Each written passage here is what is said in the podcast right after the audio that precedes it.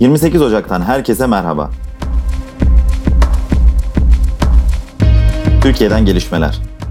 Gelecek Partisi Genel Başkan Yardımcısı Selçuk Özdağ'a yapılan saldırıya ilişkin 4 şüpheli daha gözaltına alındı. ABD Başkanı Joe Biden'ın yönetim ekibinde 3 Türk kadın yer alıyor.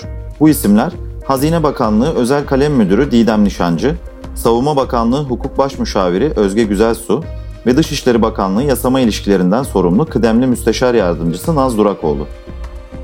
Deniz Kuvvetleri Komutanlığı'na ait bilgileri sızdırmakla suçlanan 3 asker 4 kişi, devletin güvenliği veya iç ya da dış siyasal yararları bakımından niteliği itibarıyla gizli kalması gereken bilgileri temin ederek açıklamak suçundan gözaltına alındı.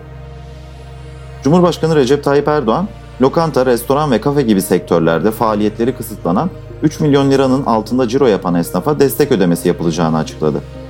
Cumhurbaşkanı Erdoğan, cirosu %50 ve daha fazla azalan işletmelere 2 bin liradan az, 40 bin liradan fazla olmamak üzere cironun %3'ü kadar destek ödemesi yapacağız ifadesini kullandı. Türkiye televizyon tarihinin en popüler dizilerinden Aşkı Memnun'un çekildiği Ziyagil ailesinin yalısı müze olarak kapılarını açtı.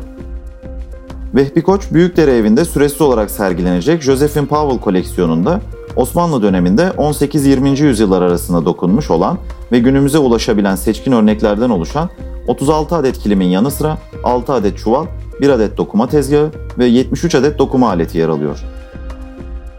Dünyadan gelişmeler Birleşik Krallık Avrupa'da Covid-19 kaynaklı ölümlerde 100 bin sayısını geçen ilk ülke oldu. Britanya Ulusal İstatistik Ofisi verilerine göre pandeminin başlangıcından 25 Ocağı kadar hayatını kaybedenlerin toplam sayısı 104 bin civarında. ABD Başkanı Joe Biden yaz aylarının sonu, sonbaharın başı gibi ABD vatandaşlarının büyük oranda aşılanmış olması hedefiyle aşılama programının hızlanacağını açıkladı. 300 milyon vatandaşın aşılanmasını hedefleyen yeni hükümet, gelecek hafta itibarıyla eyaletlere %16 daha fazla aşı tedariği yapacak.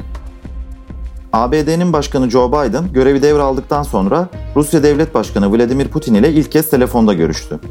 Putin'in Biden'ı tebrik ettiğini ve iki ülke arasındaki önemli konuların ele alındığını açıklayan Kremlin'e ek olarak Beyaz Saray'dan yapılan bilgilendirmede Navalny, siber saldırılar ve Taliban'a ilişkin konuların gündeme getirildiği kaydedildi.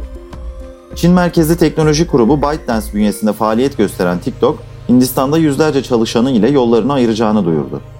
Hindistan, TikTok ve WeChat'in de dahil olduğu 59 Çin menşeli uygulamayı veri toplama ve kullanıcı gizliliği ile ilgili sorunları gerekçe göstererek yasakladı. Japonya Başbakanı Suga Yoshihide, evde kal çağrısına rağmen bir iktidar partisi vekilinin geç saatlerde dışarıda bir gece kulübünde görüntülenmesini takiben halktan özür diledi. Covid-19'a karşı ülkenin 11 eyaletinde yürürlükte olan olağanüstü hal kapsamında sokağa çıkma kısıtlaması uygulanıyor. Novus'la gelişmeleri dinlediniz. Hoşçakalın.